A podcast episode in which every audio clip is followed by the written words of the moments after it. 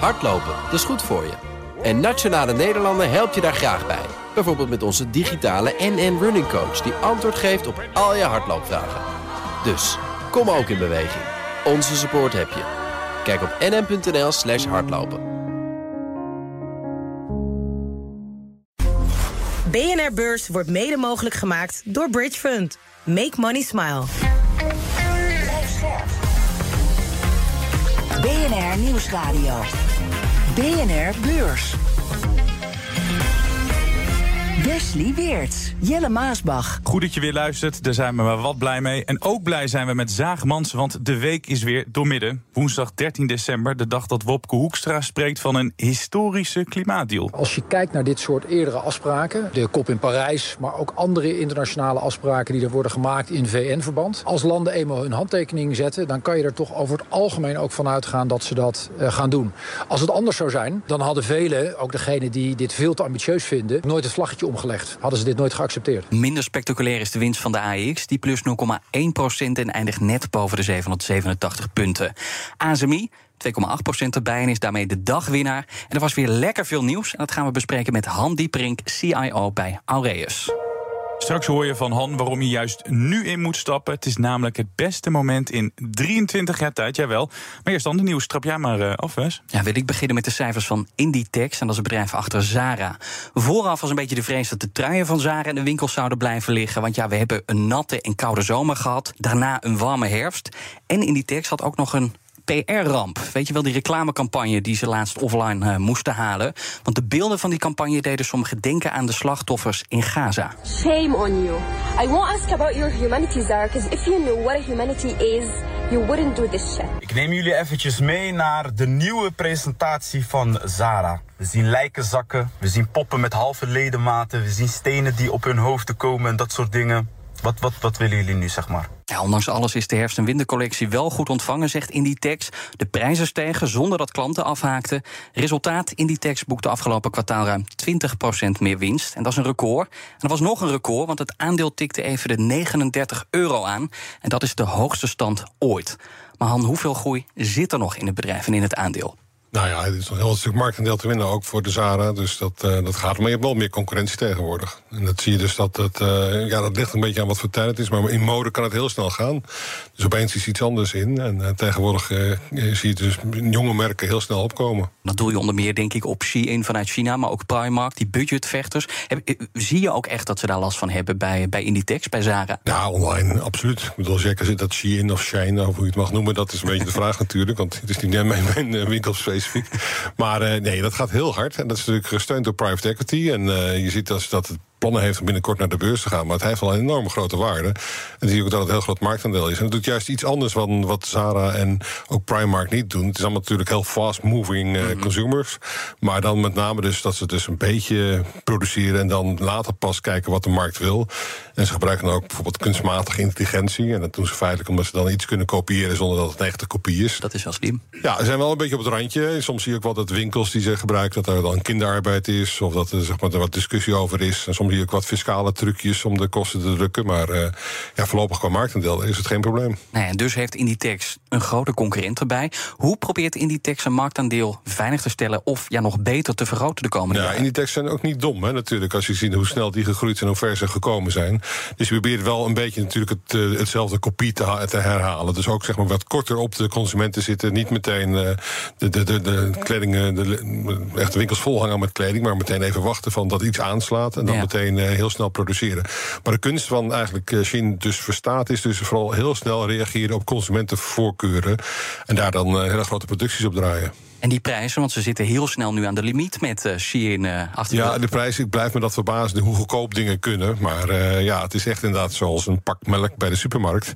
En zij hebben het dan al zo'n pak melk al acht keer verkocht... voordat uiteindelijk de boer zijn, zijn geld krijgt. Nou, dat komt bij de kleding op hetzelfde neer. Dus het is een model wat heel lucratief is. Ja, lage prijzen. Wil ik het hebben over uh, Twitter? Je kan beter zeggen de puinhopen van Twitter. Persbureau Bloomberg schrijft over de advertentieinkomsten. Dat ziet er niet best uit. We wisten dat het zou gaan dalen, maar er is nu een uh, getal opgeplakt. 2,5 miljard dollar dit jaar. Een gigantische daling vergeleken met vorig jaar. Toen harkten ze nog 4,7 miljard binnen. En het erg is, ze dachten jaarlijks in te leveren. Maar het niveau van dit jaar is het niveau dat ze in 2027 dachten aan te tikken. Oh. Dus het loopt veel harder terug dan gevreesd. Komt natuurlijk allemaal vooral door. Jazeker, want uh, adverteerders die haken af door zijn retweets van antisemitische bagger en complottheorieën. Ja, hopen voor hem dat hij uh, wat gaat verzinnen. Want advertenties zijn nu nog goed voor 70 tot uh, 75 procent van inkomsten. Ik heb nog meer slecht nieuws voor Ilan. Namelijk een flinke tegenvaller voor Tesla. Het bedrijf moet meer dan 2 miljoen auto's terugroepen in de VS. En de reden zijn problemen met de autopilot. En ja, die autopilot is volgens de toezichthouder niet veilig genoeg. Zo wordt er onvoldoende gezorgd dat bestuurders zelf blijven opletten. En uh, ja, het is de tweede keer dat Tesla om deze reden de auto's moet terugroepen. Tesla heeft gezegd, nou wij passen de software aan en dan komen er bijvoorbeeld meer signalen om bestuurders alert te houden. Wil ik het nog hebben over passagiers van formaat, oftewel mensen met overgewicht. Things that plus-size travelers hate. When the tray table can't come down, having little to no room to move, worrying you're going to break the toilet. Ja, die krijgen voortaan een extraatje bij de Amerikaanse luchtvaartmaatschappij Southwest Airlines. Namelijk een extra stoel. Boek je daar als passagier met een maatje meer een ticket. Dan krijg je twee stoelen voor de prijs van één. Dat meldt eh, Fox Business. De zender die heeft de nieuwe regels bestudeerd. Het werkt voortaan als volgt. Als je bij de klantenservice geeft dat je zitbehoefte hebt... dan gaan ze kijken of je een tweede, misschien wel een derde stoel nodig hebt. Oh, een derde ook? Ja, die krijg je dan uh, gratis. Nou, dat is lekker. Southwest is gemeten naar passagiers de grootste van Amerika. En dus ook uh, de eerste die zo'n uh, extra stoel weggeeft. Farmaceut Pfizer heeft een nieuwe pandemie nodig. De beurskoers blijft maar dalen en het bedrijf is nu minder waard dan voor corona. Ze zijn eruit op de klimaattop in Dubai. 198 landen bereikten een akkoord. Colleagues and friends, we worked collectively for consensus. Applaus en gejoel, maar niet iedereen kan erom lachen. Oliebedrijven bijvoorbeeld, want op de top is afgesproken dat de landen afstappen van het gebruik van fossiele brandstoffen. Het gebruik van hernieuwbare energie wordt verdrievoudigd en er moet meer energie bespaard worden door landen. Ja, historisch noemt de voorzitter van de top het, Wopke Hoekstra, onze eigen klimaatpaus, die noemt het ook historisch. Hoe noem jij het? Nou ja, ik vind het eigenlijk wel tegenvallend eh, zeg maar, qua uitkomst. Het was toch het uitfaseren van, dat was de doelstelling. Het is nu een transitie weg van fossiele brandstoffen. Dus dat valt eigenlijk wel tegen ten opzichte van wat het oorspronkelijke plan was. Dan noem jij het een tegenvallen en geen nee, vanuit, Als je vanuit klimaatperspectief bekijkt. Hè. Dus uh, je kunt zeggen, ja, voor de, de olieseiks is het natuurlijk fantastisch... dat het nog eventjes uh, door kan gaan. Maar voor het klimaat is het natuurlijk uh, niet goed... dat dit soort dingen zo traag verlopen. aan de andere kant, als je ziet dan wat betekent het voor financiële markten... dan zie je dus dat er ook een nieuw potje gevonden is... En dat hebben het gezegd, uh, ja, er is uh, een nieuwe innovatieve vorm van financiering, uh, heet dat dan. En dat is dan belastingen. Dus ze gaan meer belastingen heffen om zeg maar de, die energietransitie te financieren. Dus dat is dan heel creatief, vindt men. Gaat er wel wat gebeuren volgens jou? Of? Nou ja, er gebeurt natuurlijk heel veel al op dit moment. Maar met de plannen waren die sommen te versnellen, dat is dus duidelijk niet gelukt. En dat gaat betekenen dus dat het toch nog wat trager is dan men het plan had om zeg maar, in 2030 uh, Paris-aligned uh, onder die 2 graden te blijven. Ja, de vraag is of het dat dan lukt. Dat, uh, ik ben geen klimaatdeskundige, dat weet ik niet. Maar het is duidelijk dat het teleurstellend is qua uitkomsten. En dat was eigenlijk ook wel verwacht. Want ja, drie kwart van de wereld die zit helemaal niet te wachten op een energietransitie. Die is al lang blij dat ze energie hebben. Dus die heeft helemaal niet zoveel haast om dat te maken. En zeker als je dan in het Midden-Oosten houdt. Ja, dan kun je natuurlijk niet verwonderen verwachten dat daar opeens zeggen we stoppen met olie. Dat, Bob Koekstra die heeft gewerkt voor Shell. zijn oud-werkgever die reageert ook blij met dit akkoord. Ja. Hebben ze vooral uh, dit soort bedrijven dan uh, geholpen? Heeft hij vooral dus uh, samen met zijn collega's Shell blij gemaakt? Het geeft heel veel mogelijkheden om zeg maar, de boel nog wat langer te, te, te traineren. Dus dat, is, dat, is, dat klopt. Dus, uh, maar ja, goed, dat is natuurlijk ook, het is ook een beetje als je dat op televisie zag, dan zie je die oliesheiks zie je verkondigen dat ze moeten stoffen met fossiele brandstoffen. Dat geloof je toch niet nee. echt. Dus, uh, ja, maar ik dacht van tevoren toen ik hè, dit hoorde, van het is een historisch akkoord, toen dachten wij, nou, je wordt als belegger misschien wel uit fossiele aandelen gejaagd, maar je wordt er niet uitgejaagd. Misschien word je er wel in gezogen op deze manier. Ehm, nou ja, voorlopig mijn stelling is dus dat de energietransitie vrij lang duurt. Want het is nog steeds dat we 103 miljoen vaten per dag verbruiken en ook produceren. En dat er eerder dreigt dat er een tekort is aan olie dan dat het te veel is. En eh, dat het nog heel lang duurt voordat we die overgang daadwerkelijk hebben gerealiseerd. En daar hebben we de oliemaatschappijen voor nodig om dat mogelijk te maken. Want die hebben de kaststromen, die hebben de ingenieurs in dienst, die hebben de kennis van de grote projecten. En zonder die oliemaatschappijen red je het simpelweg niet. Dus als je nu olieaandelen hebt, dan is het eigenlijk Wopke bedankt. Nou, ik zou sowieso Wopke bedanken inderdaad voor deze uitkomst. Maar eh, ja, ik weet niet of het klimaat hiermee het beste gebaat is. En dat was nog de doelstelling eh, van dit. BNR Beurs. Het beste moment voor beleggers om in te stappen is nu. De omstandigheden waren sinds de eeuwwisseling niet meer zo goed, zegt Aureus. En dat is het bedrijf waar jij voor werkt, eh, Han. De rente, kunstmatige intelligentie en de lage waardering van aandelen worden als reden genoemd. Ja, dus Han, kom maar op, overtuig me. Waarom is dit de droom voor elke particuliere belegger? Nou, als je kijkt, elk jaar is natuurlijk, zijn dit soort visies die worden uitgegeven. Er is altijd een visie op het komende jaar. En als het nog even mee zit, dan zit ook aan het eind van het jaar... dat er een voorspelling is, daar staat de beurs over 12 maanden. Nou, Precies. Ja, dat is bijna een scenario dat gedoemd is om te mislukken. Want ja, dat komt dan toch niet uit. Er is op de korte termijn zoveel ruis op de beurs... dat er altijd wel iets anders tussendoor komt... dat je toch niet haalt van wat je eigenlijk op 12 maanden verwacht had. Ik ben nog niet overtuigd, Han. Nee, klopt. Maar als je op wat langere termijn kijkt... Kijk, een belegger heeft een wat langere horizon dan een jaar. Dus niemand belegt voor een jaar. Dus we ontraden ook iedereen... als je voor een jaar wilt beleggen, doe het niet. Dan heb je al snel 5, 8, 10, 15 jaar. Dat, soort, dat is een normale horizon. En voor die langere horizon maak je ook een prognose-rendement. Dus dan kijk je wat voor rendement mag je dan verwachten... over die langere periode. Nou, voor aandelen heb je bijvoorbeeld kijken naar aandelenrisico. Stel dat het een beetje stabiel is. eh, Daar gaat het in dit geval niet om. Bijvoorbeeld voor obligaties. Dan zie je dus dat de rente afgelopen jaren vrij sterk gestegen is. Dan neem je ineens al het aanvangsrendement van een nieuwe obligatie. Nou, die ligt tegenwoordig een stuk hoger dan bijvoorbeeld een paar jaar terug. En een lange tijd is die zelfs nul of negatief geweest. Dus als je een portefeuille bekijkt die bestaat uit aandelen en obligaties, dan renderen die aandelen en die obligaties er opeens een stuk beter dan voorheen.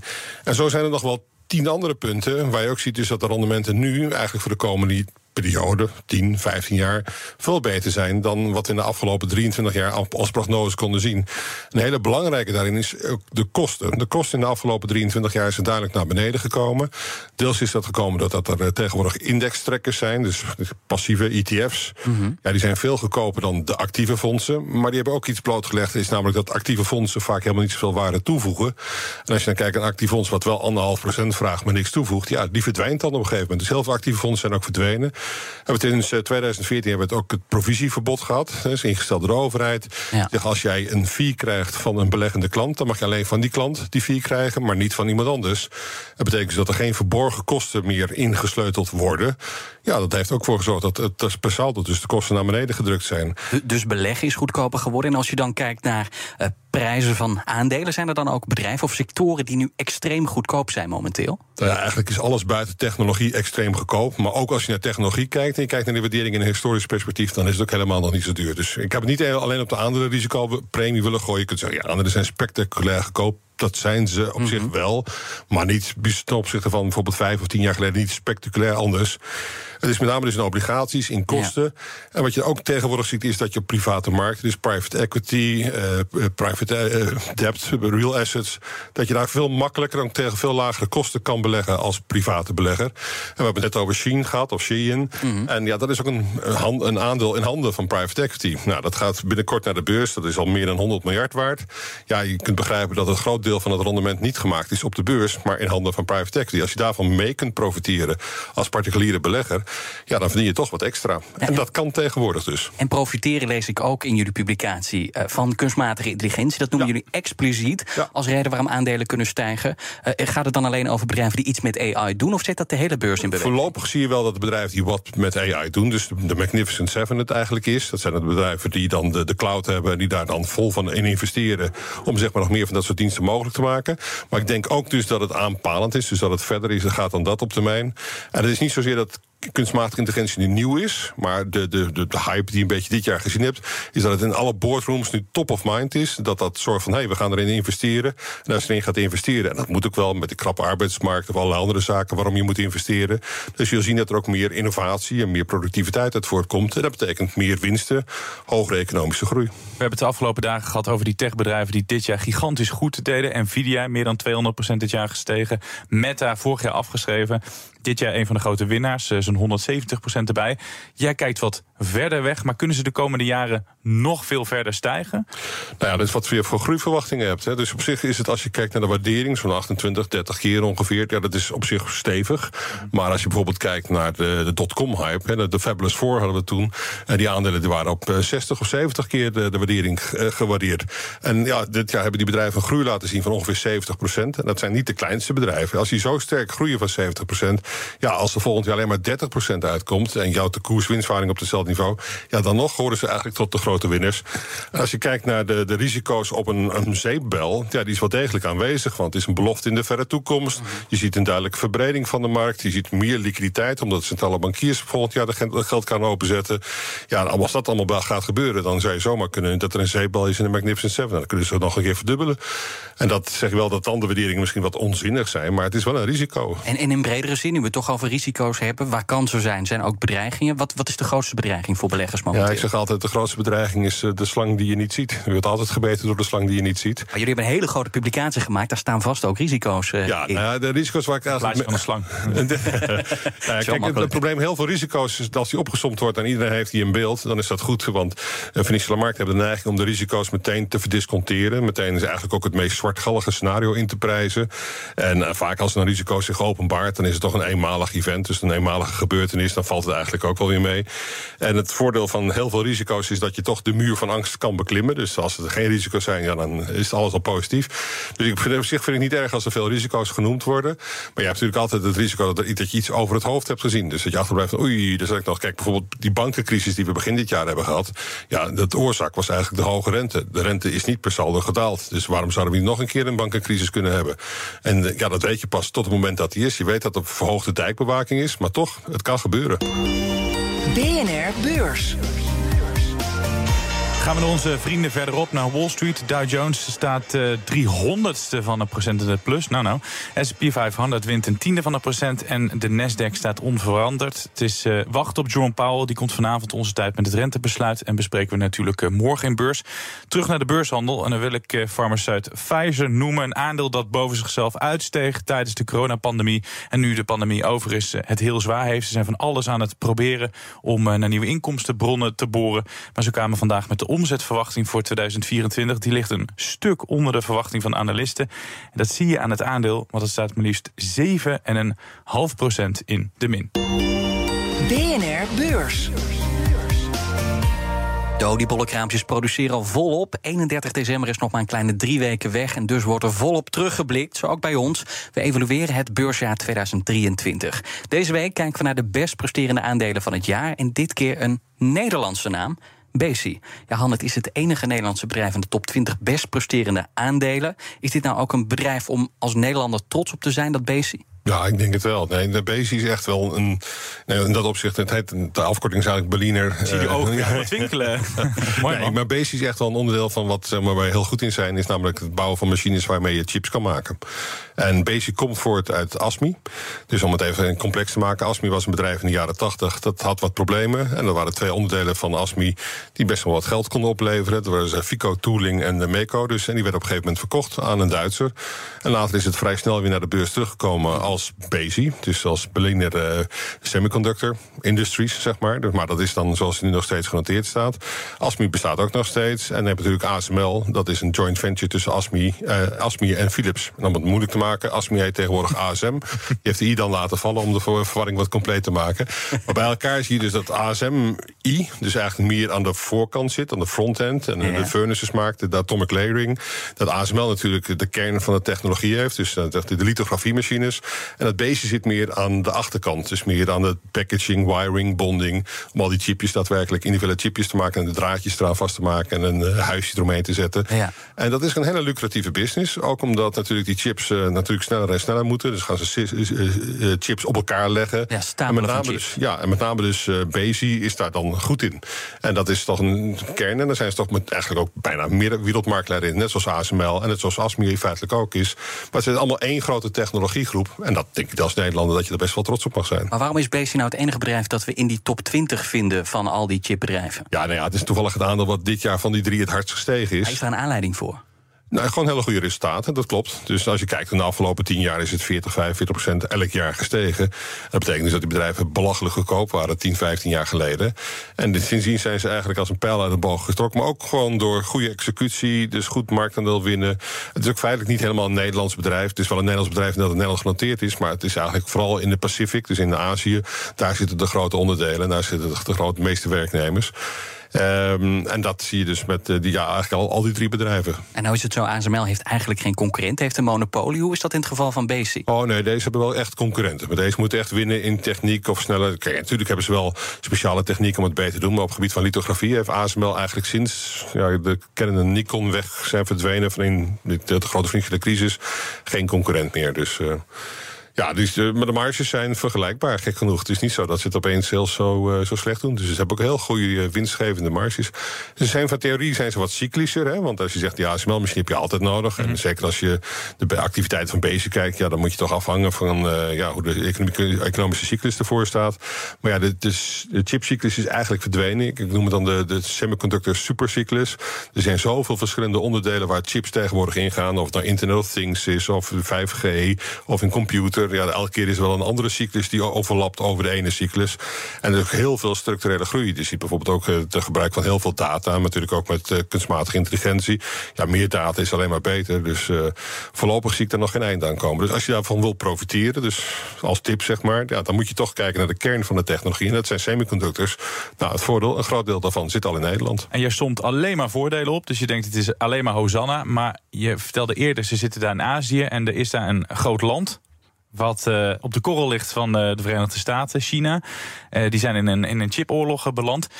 Wat merkt Bezi daarvan? Zitten ze daar tussen? Is dat hun grootste bedrijf? Nee, ik geloof niet dat Bezi daar nu nog last, als specifiek last van heeft, dat het die, die, technologie heeft. Maar ik vermoed wel eigenlijk trouwens dat uh, als je kijkt naar wat de Chinezen produceren, dat mm -hmm. ze ook wel gebruik maken van technieken van Bezi om dat te realiseren. Dus mensen waren toch de laatste tijd wat verrast dat China dus bepaalde chips kon produceren. Denk je, dat, dat kan eigenlijk niet. Maar ik denk wel dat ze dus uh, stiekem ook met andere partijen wel zaken doen. Kijk, de Amerikanen willen vooral de, de, de nieuwste technologie niet aan in de handen van de Chinezen laten komen. En ik denk dat dat niet handig is. Want uiteindelijk betekent dat de Chinezen het allemaal zelf gaan bouwen. En ze bouwen ook gewoon een tegenhanger van ASML. En dat is jammer, want uh, ja, dan raken we een beetje onze monopoliepositie kwijt natuurlijk. Nog even heel kort, Wesley zei het net al. Maar één Nederlands bedrijf in die top 20. Ja, ik ben altijd een chauvinist hier. Is het niet jammer dat er maar één Nederlands bedrijf in die top 20 uh, staat? Nou, ik vind het op zich een hele mooie prestatie, want het is een wereldindex. Hè. Dus dat betekent wel dat uh, alle bedrijven uit de wereld meedoen.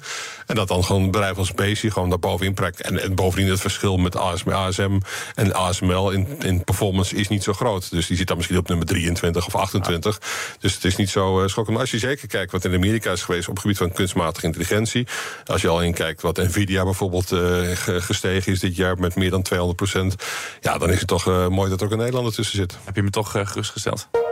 Als je nog niet genoeg uh, over rente hebt gehoord, goed nieuws. Morgen is het aan de ECB om te besluiten wat ermee moet gebeuren.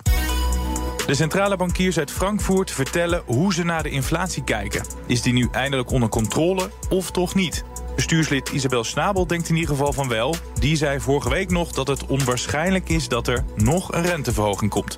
Ook voor de aandeelhouders van Air France KLM wordt het een interessante dag, want de luchtvaartmaatschappij houdt een beleggersdag. Daarbij zullen ze de investeerders niet per se tevreden hoeven te stellen, want het bedrijf boekte afgelopen kwartaal nog hun grootste winst ooit: 1,3 miljard euro.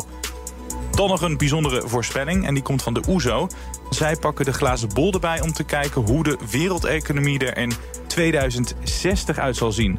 Nou, wij zijn benieuwd of ze ook weten of BNR Beurs dan nog steeds op de radio is. En dit was BNR Beurs van woensdag 13 december. Een historische dag volgens Wopke Hoekstra. Niet alleen vanwege onze aflevering, maar ook omdat er een klimaatdeal ligt. Ook historisch is de beurskoers van Inditex, de moeder van Zara... want die bereikte de hoogste stand ooit. En de beurs zelf kan ook verder stijgen, leerden we net van Han. Han Dieperink, CIO van Aureus. Goed dat je te gast was. Dank. Mooi dat je er was. En dan zijn wij er uh, morgen, dat wil ik ook wel weer voorspellen. Dat kan ik ook wel voorspellen. Tot morgen. Morgen. BNR Beurs wordt mede mogelijk gemaakt door Bridge Fund. Make money smile. Hardlopen, dat is goed voor je. En Nationale Nederlanden helpt je daar graag bij. Bijvoorbeeld met onze digitale NN Running Coach... die antwoord geeft op al je hardloopvragen. Dus, kom ook in beweging. Onze support heb je. Kijk op nn.nl slash hardlopen.